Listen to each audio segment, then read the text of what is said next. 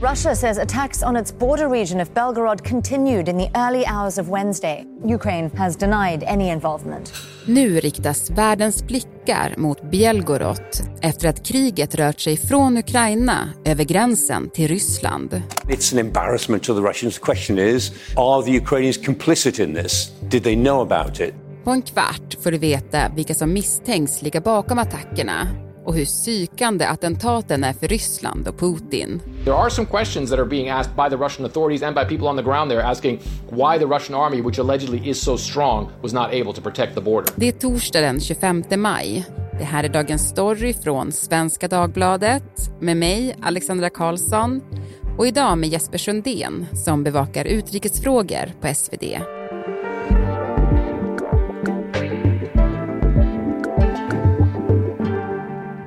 Du Jesper, nu har man ju fått lära sig ytterligare ett namn på ett område som kan bli en milstolpe i det här kriget. Mm.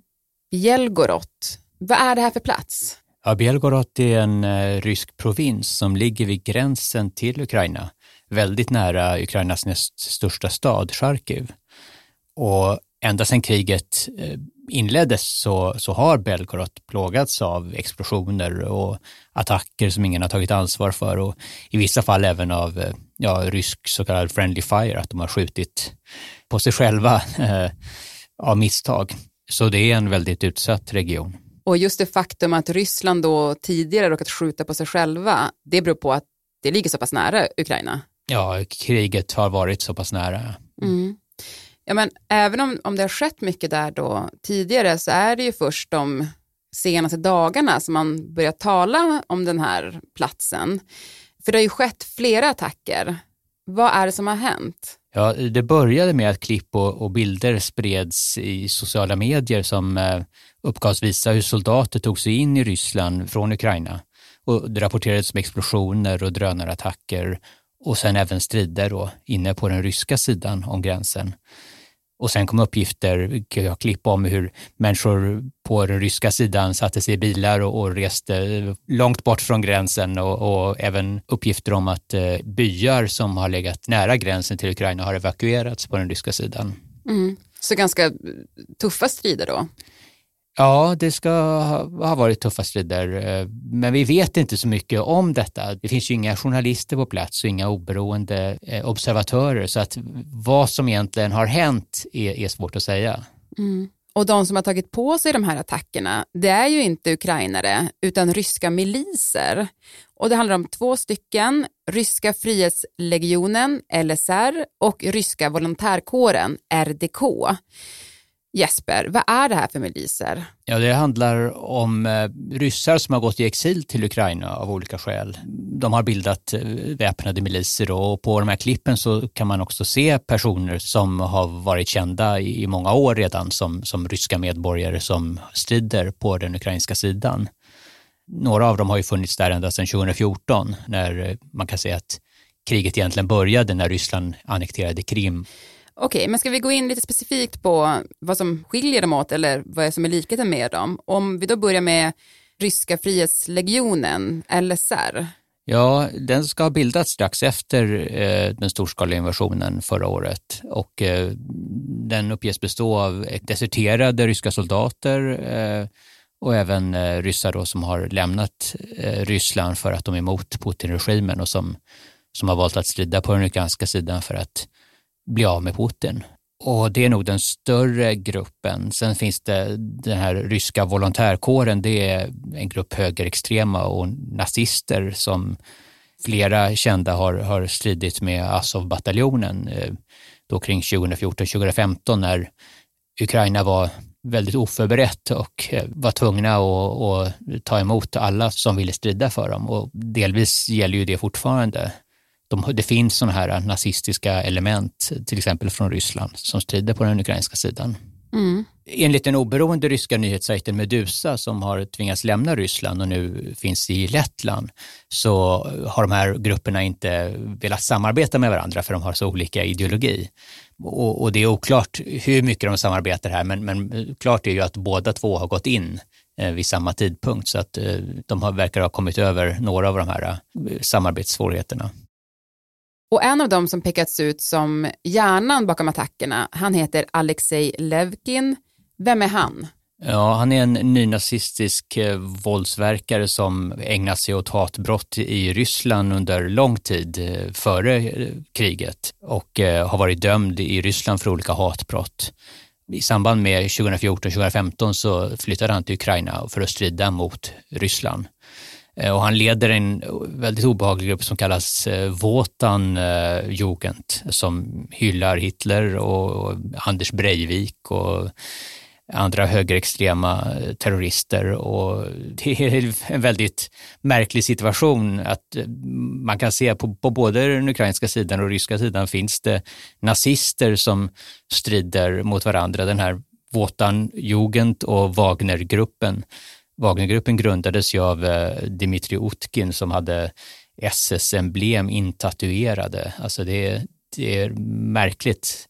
Avnazifieringen som Ryssland skulle genomföra bedrivs med ryska nazister som strider på båda sidor mot varandra. Mm. Är det problematiskt för Ukraina då, att det är just nazister då som ändå strider för dem, även om de då är ryssar? Ja, det är ju problematiskt. Det ser ju inte snyggt ut. Särskilt som Ryssland har försökt göra gällande att Ukraina är fullt med nazister. Men det är ju inte sant. Det, här är, det, det finns sådana här element på, på båda sidor. Och Ukraina är en demokrati med en judisk president till skillnad från Ryssland som är en, närmast en diktatur som har mycket större, har haft under lång tid väldigt stora problem med nynazister och högerextrema som har varit allierade med, med staten.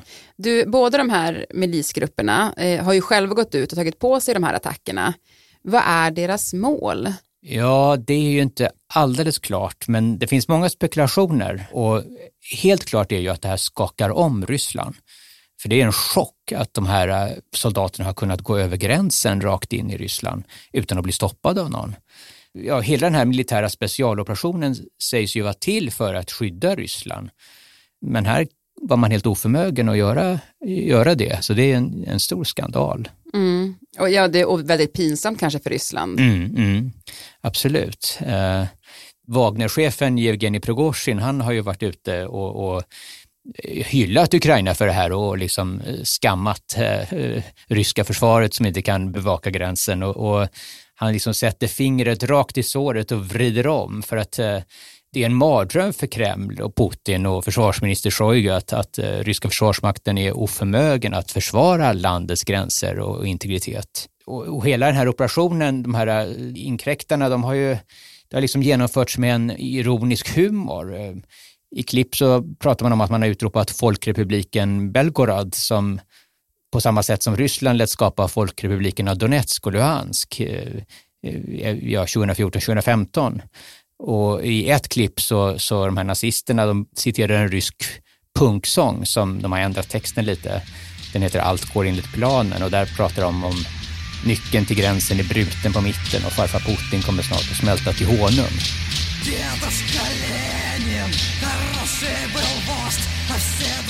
Så att det finns liksom någon slags svart humor och, och ironi och ja, det verkar verkligen som att mycket av det här handlar om att jävlas med ryssarna och, Kreml och håna Kreml. Mm. Eh, och det har man eh, lyckats med med råge får man nog säga. Mm. Men Ukraina då, alltså, där har man ju förnekat att man har varit inblandad i de här attackerna. Men det finns ju samtidigt spekulationer om att det här är del av den närstående våroffensiven från Ukrainas sida. Mm, Vad ska man mm. säga om de här uppgifterna? Så, är Ukraina inblandade på något sätt? Ja, alltså Ukraina är ju inblandat på så sätt att de här soldaterna skulle aldrig kunna ha utrustats och eh, gått in i Ukraina utan Ukrainas vetskap och medgivande. Och det kan ju absolut vara så att Ukraina har planerat den här operationen som ett slags eh, psykologisk krigföring mot, mot Ryssland. Och det, det skapar oro inne på den ryska sidan.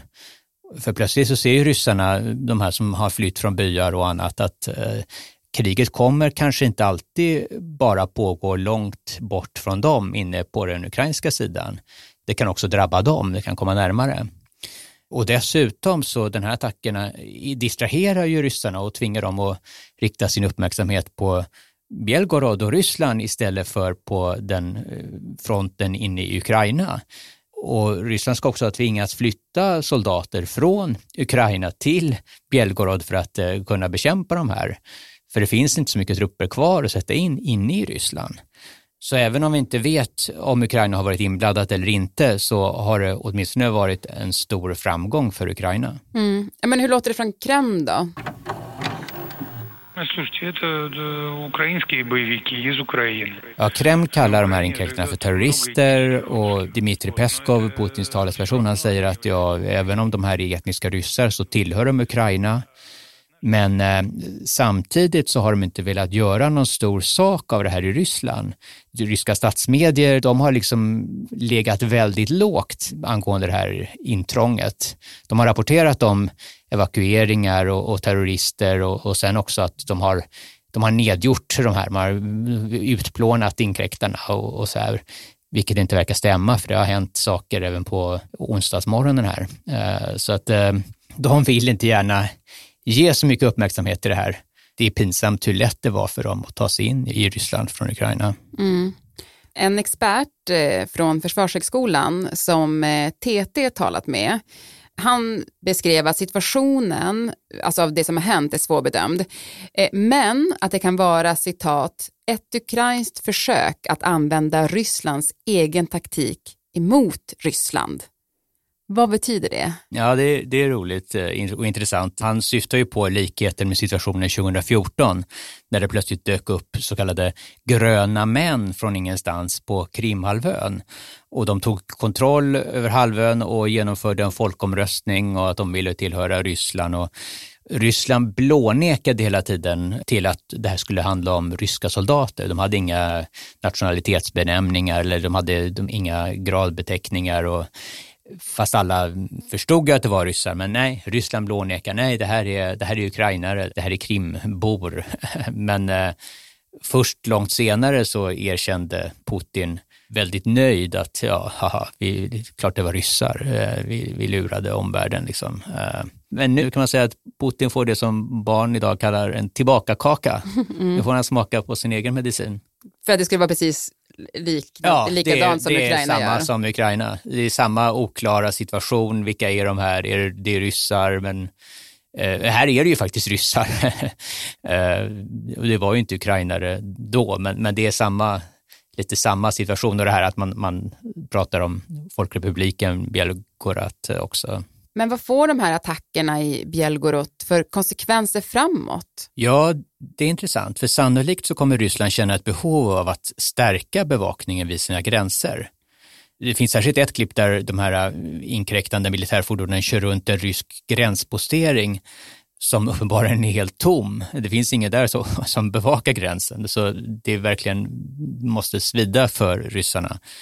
Eh, och Kreml. Och, och det här, om de ska börja förstärka den egentliga gränsen då mellan Ryssland och Ukraina, ja det, det, då måste de ju binda upp militära resurser som annars hade kunnat vara i Ukraina och stå beredda för att möta en ukrainsk offensiv där. Så att eh, det är ju liksom en väldig nackdel för Ryssland. De ryska styrkorna är redan ganska glest utspridda på vissa håll för att den här frontlinjen inne i Ukraina mellan ryska och ukrainska styrkor är jättelång.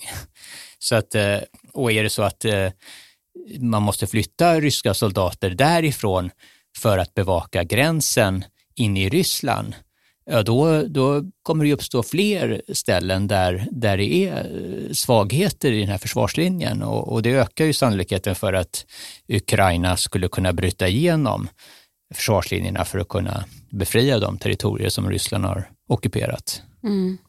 Om vi till sist bara vidgar blicken lite, ehm, hur ser den generella lägesbilden i kriget ut just nu? Ja, man kan ju säga att eh, för varje dag så får ju Ukraina mer och mer vapen. De blir starkare och starkare. Ryssland å andra sidan blir svagare och svagare och det här försvagar ju Kreml ytterligare att, att det är möjligt för soldater att ta sig in och det skapar oro. Även om väderförhållanden och, och försenade vapenleveranser har gjort att offensiven har dröjt så är det som den kinesiske generalen Sun Tzu skrev i sin bok om krigskonst för över 2000 år sedan, att tålamod kan vara en av de viktigaste faktorerna för att nå seger. Och utvecklingen så här långt talar för, till fördel för Ukraina. Och fortsätter den här typen av operationer så kommer Ryssland att försvagas ytterligare och då ökar sannolikheten för att den ukrainska offensiven faktiskt ska lyckas. Mm. Vi fortsätter följa utvecklingen. Tack mm. så jättemycket Jesper. Tack själv Alexander. Och programmet idag producerades av Daniel Sävström, redaktör var Stina Fischer och jag heter Alexandra Karlsson. Vill du kontakta oss så mejla till dagensstory.svd.se.